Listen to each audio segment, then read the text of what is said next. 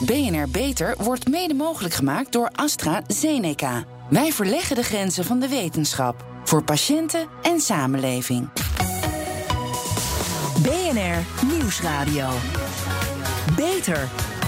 Harmke Pijpers. Roomboter, bacon, chips en chocola, allemaal mega slecht voor je cholesterol. Dat weten we nou wel. Maar wat veel mensen niet weten is dat, ook als je gezond eet en genoeg beweegt, je cholesterol toch gevaarlijk hoog kan zijn.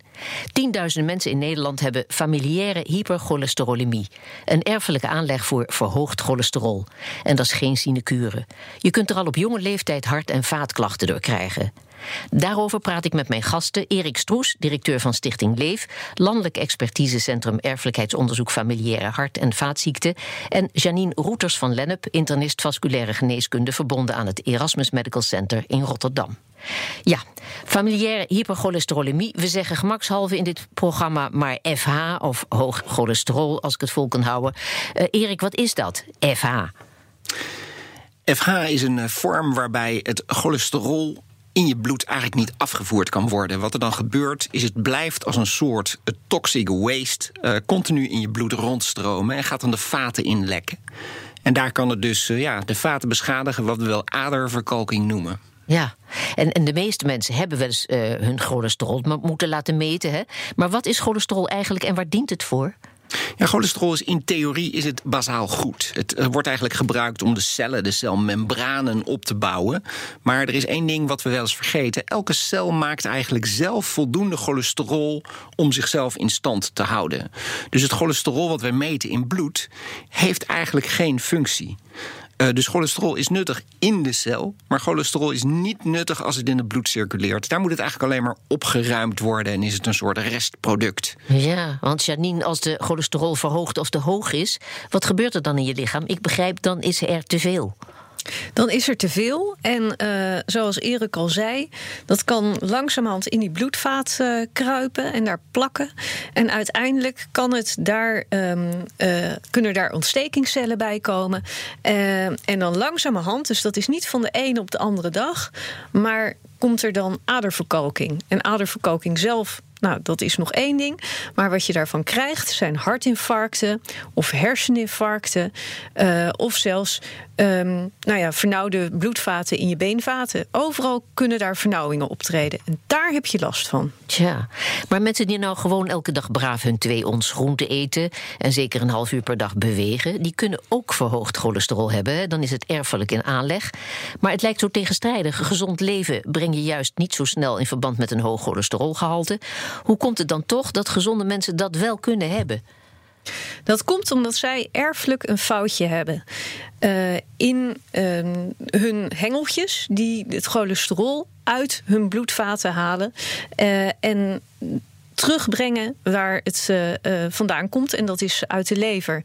En als die mensen een hengeltje of allebei van allebei de ouders een hengeltje missen, dan uh, hebben ze dus een veel te hoog cholesterolgehalte in hun bloed. En dan kunnen ze er dus niets aan doen dat ze een te hoog cholesterolgehalte hebben. Nee, ze kunnen er niks aan doen. En hoe kom je er dan achter? Nou ja, goed, in het ergste geval is dat uh, omdat iemand op jonge leeftijd, terwijl ze nog zo gezond leven, toch een hartinfarct krijgt of een herseninfarct krijgt. Uh, en niemand begrijpt waarom. En dan wordt het cholesterol gemeten. En dat blijkt dan veel te hoog te zijn. Ja, tikkende tijdbommen worden deze personen genoemd, voor zover bekend. Ja, Erik, die erfelijke factor is dus van heel groot belang. Als een van je familieleden nou een hoog cholesterolgehalte heeft, hoe groot is dan de kans dat jij het ook krijgt? Ja, dat is Eigenlijk heel erg hoog. Want als je familiair hoog cholesterol hebt, dat noemen we ook wel een dominante aandoening. Dus dat houdt in, je krijgt van een van je ouders, draagt het over aan de kinderen. Mm-hmm. Dus ja, statistiek. Als één van de ouders heeft, heeft 50% van de kinderen het. En 50% van de broers en zussen. Dus als je eenmaal één familielid geïdentificeerd hebt, zou ik zeggen: kassa hele hoge kans dat je in die familie heel veel FH-patiënten opspoort. De helft namelijk. Ja, goed, maar dan weet je tenminste iets. Want wordt er ook onderzoek naar verricht? Want hoe kun je voorkomen dat het in de genen wordt doorgegeven? Ja, dat is nog een stap te ver. De gentherapie doen we nog niet. Dus mm-hmm. eigenlijk kun je niet voorkomen dat het in de genen doorgegeven wordt. Maar je kunt wel iets anders. Namelijk, als er in je familie hart- en vaatziekten zijn en jij hebt een hoog cholesterol, laat je familie ook het cholesterol controleren. En als het daar ook erg hoog is, dan weet je het. En als je het weet, kun je er vroeg iets aan doen. En dan is eigenlijk verreweg het merendeel van de ellende goed oplosbaar. Ja, maar goed, heel veel mensen hebben dus geen klachten. Maar, zeggen jullie, er zijn tienduizenden mensen die rondlopen met uh, familiaire hypercholesterolemie zonder dat ze dat weten. Zijn er kenmerken, verschijnselen of klachten waar zo iemand alert op moet zijn? Ja, dat is het vervelende. Je voelt er helemaal niets van. Dus dat cholesterol, dat dobbert lekker en dat kan je aderen verstoppen. En zoals Wat je niet net. rotstreek. zoals je niet aangaf, je merkt het pas op het moment dat het eigenlijk te laat is. Dan Ja. is er of een infarct of een herseninfarct. Dus ja, meten is weten. Zorg dat als er in je familie een belasting is, zorg dat je vroeg ook een keer laat controleren en onderneem actie. Ja, maar jullie zien ook een taak voor eh, laboratoria daar, hè, die ze gelukkig ook maar eh, wel op zich nemen door te signaleren dat er afwijkende bloedwaarden zijn. Wat doen laboratoria met die wetenschap en huisartsen? En hebben ze voldoende kennis in huis om te signaleren of het om verhoogde cholesterol gaat? Nou, wat laboratoria doen is op het moment dat een huisarts een keer bloed laat prikken en daar wordt een hoog cholesterol genomen, dan, dan moet ergens een lampje gaan branden. Dat er gezegd wordt: dit is zo hoog. Ja. De tweede vraag moet zijn: wat zit er in de familie? En als die twee samenkomen, dan zouden alle lampen moeten gaan branden en zou eigenlijk zo'n hele familie afgegrazen moeten worden. Maar dat is niet de sterkste kant van artsen. Vaak heb je een relatie met één patiënt, maar is niet het automatisme ho ho. Dit is geen zieke patiënt, dit is een zieke familie. Ik ga Ja, dus ja. vragen of de hele familie zich laat controleren. Dat is nog niet de beste eigenschap die wij goed kunnen uitoefenen. Ja, maar als iemand na zijn dertigste met verhoogde LDL-waarden bij jou komt, hè? Ehm, hoe kun je diegene dan helpen? Is het te behandelen, eventueel zelfs te genezen? Nou, als een 30-jarige met een heel hoog cholesterol komt, dan kun je heel simpel zeggen: de kans dat dit erfelijk is, is erg groot. Dus wat je doet, is je zegt: ik ga een simpele DNA-test uitvoeren. Die DNA-test geeft in 85% van de gevallen het definitieve antwoord. Ja. En daarna kun je dus met hele eenvoudige geneesmiddelen kun je het cholesterol meer dan halveren. En als je zo'n geneesmiddel geeft, dat de kosten hoef je niet om te laten. Dat is nu tegenwoordig ongeveer 25 tot 50 euro per jaar. Ja. Voor die en, en je laat het er ook niet bij zitten. Je graast die hele familie af. Ja, en dan daarnaast de hele familie afgrazen om te zorgen dat ook de broers en zussen, de vader en moeder, als dat nog goed gaat met vader en moeder, en de kinderen ook gecheckt worden. Zodat je in één keer als het ware de beste vorm van echte preventie gaat, ver voordat er symptomen gekomen zijn. Ja. Zelfs kinderen, Janine, eh, die kunnen al een verhoogd cholesterolgehalte hebben. Hè. Jij ziet op de familiepolie kinderen al vanaf een jaar of acht. Welke klachten hebben ze dan? Wat merken ze ervan? Ook nog helemaal niks? Helemaal niks. Nee, en als het goed gaat en de kinderen zijn Wat doen ze daar dan? Nou ja, dit is omgekeerde geneeskunde. Ik Mhm. zie patiënten die helemaal gezond zijn. eh, en zij komen bij mij om te zorgen dat ze gezond blijven. Dus wat we doen is dat we het uitleggen. Dat we zorgen dat ze gezond leven. Dat ze een pilletje krijgen. En als ze goed zijn ingesteld, dan zie ik zo'n familie één keer per jaar terug. Ja. Kindercardioloog Bert Wiegman eh, heeft de laatste jaren baanbrekend onderzoek verricht bij kinderen en onderzoek gedaan naar het belang van vroege opsporing. Wat waren daar de resultaten van? Want er zijn dus 4000 kinderen opgespoord, begreep ik. Dat onderstreept wel het belang van vroege behandeling. Nou, en Bert Wiegman is niet eens de laatste jaren, maar hij is juist, en dat is het bijzondere Mhm. ervan, hij is de eerste geweest, ja, ik denk eigenlijk wereldwijd, die zo vroeg met kinderen aan de slag ging. Eh, en nu kunnen we daar de vruchten van plukken om te zien van wat langdurige behandeling met medicijnen, en dat zijn dan statines, dat zijn cholesterolverlaging, Ja. wat voor effecten dat geeft op lange termijn. En dat is, eh, ja, dat is ongelooflijk. Dat is nog veel beter dan we dachten. BNR Nieuwsradio. Beter. Harmke Pijpers. Als je een kind met erfelijke aanleg voor verhoogd cholesterol dagelijks een pilletje geeft, kost dat 45 euro per jaar en groeit die gezond op. Zeg maar de prijs van een APK-keuring. En als je dat niet doet, is de kans 25% dat hij rond zijn dertigste een hartinfarct krijgt. Wat dat al niet kost aan zorg en ellende. Enfin, waarom wordt daar dan niet standaard op getest? Daarover praat ik verder met Erik Stroes, directeur van het Landelijk Expertisecentrum Erfelijkheidsonderzoek Familiaire Hart- en Vaatziekten. En Janine Roeters van Lennep, internist vasculaire cardiovasculaire geneeskunde. Ja, Erik, twintig jaar geleden werd, uh, werd FH opgespoord door bevolkingsonderzoek. Ik benadruk werd, want de subsidie daarvoor is stopgezet, hè? Ja, in 2013 hadden we de illusie dat er al veel patiënten opgespoord waren. En toen is destijds door de regering besloten: ach, weet je, huisartsen die doen dat allemaal wel er even bij. Als zij hoog cholesterol zien, onderzoeken ze ook de hele familie. En dan komen ze er ook wel achter wie in de familie FH heeft. Ja. Dat... Zegt destijds, begreep ik, uh, werden er 3000 mensen opgespoord. En uh, hoe hoog is dat aantal nu? Ja, elk jaar het is vrij schokkend, moet ik bekennen. Dat, uh, toen werden per jaar werden 2500 nieuwe patiënten. En per familielid werden ongeveer 12 familieleden gescreend. Als je ziet na wat er na het wegvallen van deze subsidie gebeurd is, eigenlijk is het aanvankelijk teruggevallen naar 350 patiënten per jaar, dus is ongeveer een 80% daling. En het aantal familieleden wat gescreend werd, in plaats van 12, is het nog 1,3 familielid. Dus ja, de, de opsporing en vroegdetectie van FH heeft een enorme klap gekregen sinds 2013. En om die reden, begrijp ik, is ook Stichting Leef met een H opgericht. Hè? Uh, Landelijk Expertisecentrum Erfelijkheidsonderzoek Hart- en Vaatziekten. Uh, ja, wat doet dit expertisecentrum? Uh, in dit hiaat voorzien, informeren, opsporen enzovoort? Ja, wat het expertisecentrum doet, is eigenlijk elke indexpatiënt, dus elke patiënt met FH die opgespoord wordt, uh, die wordt landelijk wordt dat geregistreerd.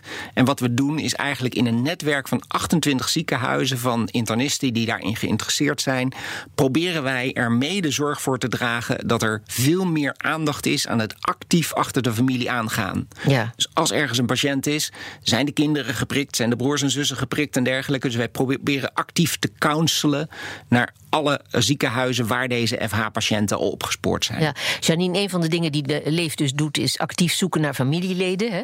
Als iemand FH blijkt te hebben. Waarom is dat zo belangrijk? Want ik heb ook begrepen dat heel veel mensen daar niet zoveel oren naar hebben. Nou, dat klopt. En dat klopt dat uh, ja, veel mensen vinden het toch lastig om dit soort informatie te delen. Mm uh, in Nederland spreken mensen hun familieleden ook wat minder. Uh, maar het is des te belangrijker, omdat het niet alleen iets is wat je voor jezelf moet houden, deze aandoening, maar juist om uh, aan familieleden door te geven dat zij ook risico lopen. Dus het is ontzettend belangrijk om te zeggen van ik heb een hoog cholesterol, ja. er is een hoge kans dat jij het ook hebt. Ik snap het en ik ben verbaasd over je antwoord. Hoe is dit te veranderen? Ja, dat is eigenlijk zouden we weer terug moeten naar een echt een landelijke screening. Want we hebben het op allemaal manieren geprobeerd en het lukt ons niet. Ja. Um, en als we landelijk screenen, ja, toen zagen we dat dat de beste manier was om mensen echt op te sporen. Ja, want dat levert grote kostenbesparingen op hè, en bespaart veel leed. 30 jaar lang een medicijn van 45 euro per jaar. Dat is al met al een stuk minder dan alle zorg die nodig is als je op je 32e een hartinfarct krijgt, toch? Exact, precies. En dan hebben we het nu over 45 euro per jaar. En dat zijn de materiële kosten. Maar de immateriële ellende die je daarmee kan besparen. door op jonge leeftijd een hartinfarct te ja, hebben. Die is niet in geld uit te drukken. Exact. Ja. Maar Erik, dan zou je dus verwachten dat politiek en zorgverzekeraars hier heel erg blij mee zijn. Maar waarom komen ze niet over de brug? Nou, de zorgverzekeraars zijn in die zin blij dat zij uh, de zeer kleine stichting Leven in Amsterdam uh, bekostigen. Dus wij worden bekostigd vanuit de zorgverzekeraars, Bond van Verzorgverzekeraars. Dus in die zin onderstrepen ze de doelstelling. Echter, de stap om weer tot een, een landelijke screening over te gaan, ja, dat zijn, uh, dat zijn hele grote stappen die ook politiek gezien natuurlijk gevoelig liggen. In 2013 is besloten door destijds Weilen Els Borst dat eigenlijk het zo goed ging dat ze wel kon stoppen. Naderhand is gebleken dat het nog helemaal niet goed ging, want daarna is het ook echt in elkaar gevallen. Ja. Uh, dus ja, nu komt het punt, na hoeveel jaar uh, kunnen we de politiek er weer van overtuigen dat dit echt een ongelooflijk gemiste kant is. Ja, want ik wou zeggen, als de resultaten zo overduidelijk goed zijn, of eigenlijk zo slecht, hè, uh, wat doen jullie dan verkeerd? Want kennelijk is dit dus niet goed genoeg voor het voetlicht gekomen. Ja, de, de, we hebben daar zeer veel discussies over gehad met RIVM. Maar die geven inderdaad aan, ja, de organisatie om het weer in een bevolkingsonderzoek te zijn. Eigenlijk de definitie die gehanteerd wordt, dan moet het op hele korte termijn winst hebben. En daar komt de sluipmoordenaar. Ja, maar preventie, het woord zegt het al, uh, heeft iets te maken met toekomst. Dus het, het moet uh, meteen resultaat hebben. Dat is natuurlijk onzin. Uh, dat klopt. In dit geval is dat onzin. Maar toch zijn er ook preventieprogramma's die nu wel hoog in het vaandel staan, die op kortere termijn resultaat bieden. Mhm. En, en um, dat, wordt, dat wordt de nieuwe uitdaging om te zorgen dat dit enorm winstgevende model, dat we dit ook weer goed neer kunnen zetten. Lange termijn preventie betaalt dubbel en dwars uit. Ja, maar het is toch volstrekt idioot zoals het dan nu gaat. Ja, sorry hoor, het zijn mijn woorden. Een gezonde leefstijl helpt helaas niet tegen deze aangeboren afwijking. En dus laten de verzekeraars betrekkelijk goedkope preventie maar achterwege tot de patiënt en zijn familie rond hun 32ste een hartinfarct krijgen en een heleboel verdriet. Nou, dat is heel treffend, heel treffend uit. En dus was niet zo moeilijk. Het vervelende natuurlijk van de eerste presentatie. Een hartinfarct, daar praten we makkelijk over. In de huidige technische stand, want daar kunnen we toch van alles aan doen. We vergeten wel eens dat in 20% van de gevallen een hartinfarct ook gelijk het laatste kan zijn wat je meemaakt. Ja. Je geneest niet altijd meer van een hartinfarct. Dus dat maakt het extra droevig. Als je kijkt naar de hoeveelheid mensen van FH-families waar vaders voor hun 40ste overlijden, is nog steeds aanzienlijk Ja. Maar goed, ondanks dat gebrek aan subsidie, onderzoek enzovoorts, gaan jullie wel uh, gewoon door met onderzoek naar FH en remedies daartegen. Wat zijn er op dit moment de belangrijkste ontwikkelingen? Nou, gelukkig gebeuren er heel veel spannende dingen voor de toekomst. Eén is in het zin van kostenbesparing. De DNA-diagnostiek was altijd heel duur. Er wordt nu hard gewerkt aan een volledige DNA-screen voor nou, rond de 30 euro per sample. Ah ja. Dat is extreem goedkoop. Als dat eenmaal door de mand is, ja, dan, dan zal dat veel makkelijker worden om te praten over DNA-screening. Ja. Een tweede wat. wat uh, dan nog het iets... tegen de kosten van de ja. dagelijkse pillen. Het tweede wat ook erg positief is. Je, je kunt zeggen, ja, dan moet je elke dag een pil gebruiken. Dat is ook vervelend. Er zijn ook ontwikkelingen, nog een beetje toekomstmuziek. Dat je met twee injecties per jaar eigenlijk het hele jaar gedekt bent. Een soort mini-vaccinatie, om maar in de ja, ja. COVID-periode te spreken. Dat zijn, denk ik, voor patiënten is dat een enorme gezondheidswinst op termijn. Ja, maar ja, het woord vaccinatie roept natuurlijk ook weer een heleboel emoties op. Want er zijn nog van die mensen die op internet hebben gelezen. of van de buurvrouw hebben gehoord. dat het helemaal geen goed of slecht cholesterol is. Hè, en dat cholesterol lang niet zo ongezond is als we een halve eeuw lang hebben beweerd. Die discussie die hoeven we nu niet te voeren. Maar uh, dit soort verhalen zorgt voor veel verwarring. Vooral bij mensen die extra risico lopen. doordat ze te hoge cholesterol en LDL-waarden hebben. Want, want ik begreep dat sommige mensen volgens het advies van die geleerde buurvrouwen en andere internetgeleerden geen medicijnen meer slikken als ze dit soort verhalen horen. Dat kan ook weer riskant zijn. Zien wij nu een nieuw probleem of is dit probleem te simpel op te lossen en moet ik het niet zo somber zien? Nee, helaas is dat, is dat een heel groot probleem en dat is ook in andere landen is dat ook al uh, echt uitgezocht, uh, zoals in Denemarken. Waar hebben ze, hebben ze gezien dat als er negatief nieuws is over cholesterol en over cholesterolverlagende medicijnen dan stoppen mensen, 10% van de mensen stopt. En uiteindelijk zie je dan, een jaar later, zie je dan dat het aantal hartinfarcten ook weer oploopt. Dus het is zeker niet onschuldig, dit soort ja, fake news. Ja. Waar kunnen ze de juiste informatie uh, vinden, deze mensen? Nou, op de Leefwebsite staat een heel uh, mooi onderdeel. En dat is speciaal voor familieleden. Uh, ook de Hartstichting heeft hele goede informatie. Dus ik denk dat er voldoende betrouwbare en goede informatie is, die ook gecheckt is door mensen die er echt wat van af weten. Oké. Okay. Hartelijk dank, Janine Roeters van Lennep en Erik Stroes. En wilt u meer weten over die erfelijke aanleg voor verhoogde cholesterol? Kijk dan om te beginnen op onze site www.bnr.nl/slash beter. Zorgvernieuwers. Ongeveer een miljoen mensen gebruiken antidepressiva. Als ze een poos klachtenvrij zijn, mogen ze stoppen met de medicatie. Maar in de praktijk blijkt dat lastig. Huisartsenpraktijk Oude Turfmarkt en Therapieland hebben daarom een online programma ontwikkeld dat patiënten moet ondersteunen bij het afbouwen van antidepressiva. Huisarts Peter Vonk, ja, meneer Vonk, waarom is het zo lastig voor mensen om te stoppen met antidepressiva, zelfs als ze zich al goed voelen? Nou, dat komt omdat het een beetje eng is. Want als je medicijnen slikt die geholpen hebben en je wilt daarna stoppen, eigenlijk, dan ben je altijd een beetje bang dat de angst of de depressie terugkomt. En dan is het makkelijker om te denken van nou weet je, uh, het is uh, het najaar, het is herfst, uh, ja. het is coronatijd weet je, we gaan nog even door. Ja. En dat betekent dat de dokter en de patiënt dan genegen zijn om door te slikken. Ja, en kan het, ja? En kan het kwaad als je jarenlang antidepressiva blijft slikken vanwege die angst? Nou, eh, medicijnen hebben een hoofdwerking en hebben ook allemaal bijwerkingen. En Ja. die krijg je er allemaal gratis bij. Dus als je gezond bent, is het eigenlijk niet de bedoeling dat je daar medicijnen bij slikt. Nee. Maar ja, toch krijg ik vaak de indruk dat een eh, herhaalreceptje eh, vaak nogal klakkeloos wordt uitgeschreven. Ligt daar ook een taak voor de arts? Er ligt zeker een taak van de arts. Misschien zelfs ook voor de zorgverzekeraars. Want misschien weet u het niet, maar een herhaalrecept levert de dokter geen geld op. Dat is gratis werk. En dat is dan de neiging om dat zo weinig mogelijk te doen. Dus dan is het bijna automatisch dat de dokter een jaarrecept uitschrijft. Dan ben je een jaar klaar. Ehm, en dat is wel een gevaar bij dit soort medicijnen, want dan ben je gauw een jaar verder. Ja, dus daar moeten we vanaf. Maar hoe helpt deze online module nu mensen met afbouwen? Ja, nou weet je, het is een beetje lastig om af te bouwen. Dus er moet aandacht voor zijn om te stoppen met die medicijnen. Mhm. En in de huisartspraktijk en waarschijnlijk ook wel in de psychiatrie eh, eh, kost dat extra tijd. En het fijne is als je er nou eens even goed voor gaat zitten met z'n allen, met z'n tweeën, met z'n drieën. Want je partner kan daar ook een rol in spelen. En je maakt een plan om af te bouwen. Uh, en dan ga je nadenken van wat zijn de goede momenten geweest de afgelopen jaren. Waar kan ik op vertrouwen? Wat is de basis van mij? Uh, uh, wat heb ik geleerd in de afgelopen jaren? Hoe heb ik nu het afgelopen half jaar of jaar doorgebracht zonder angst of depressie? En als je dat op een rijtje zet, dan uh, wordt het ook concreter en kun je ook makkelijker, als er een keer een terugval dreigt, terugvallen op de dingen die je geleerd hebt. Het is een online programma, hè? Wat, wat zijn de eerste resultaten? Nou, het programma is eigenlijk nieuw, dus min of meer splinternieuw, maar er zijn nu al patiënten van onze praktijk die hier gebruik van gemaakt hebben. En die zijn heel blij dat ze nu op deze manier alles op een rijtje kunnen zetten voor zichzelf.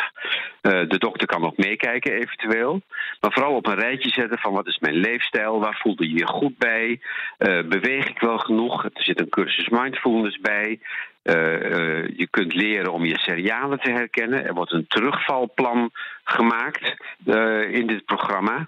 En dat betekent dat de patiënt dus als het ware een gereedschapskist krijgt om eens even weer open te doen als het wat moeilijker is. Maar je moet het wel even voorbereiden. Ja. Dus de resultaten zijn heel goed. Het is de bedoeling, begrijp ik, dat uiteindelijk zoveel mogelijk behandelaren en patiënten kunnen profiteren van dit e-health-programma.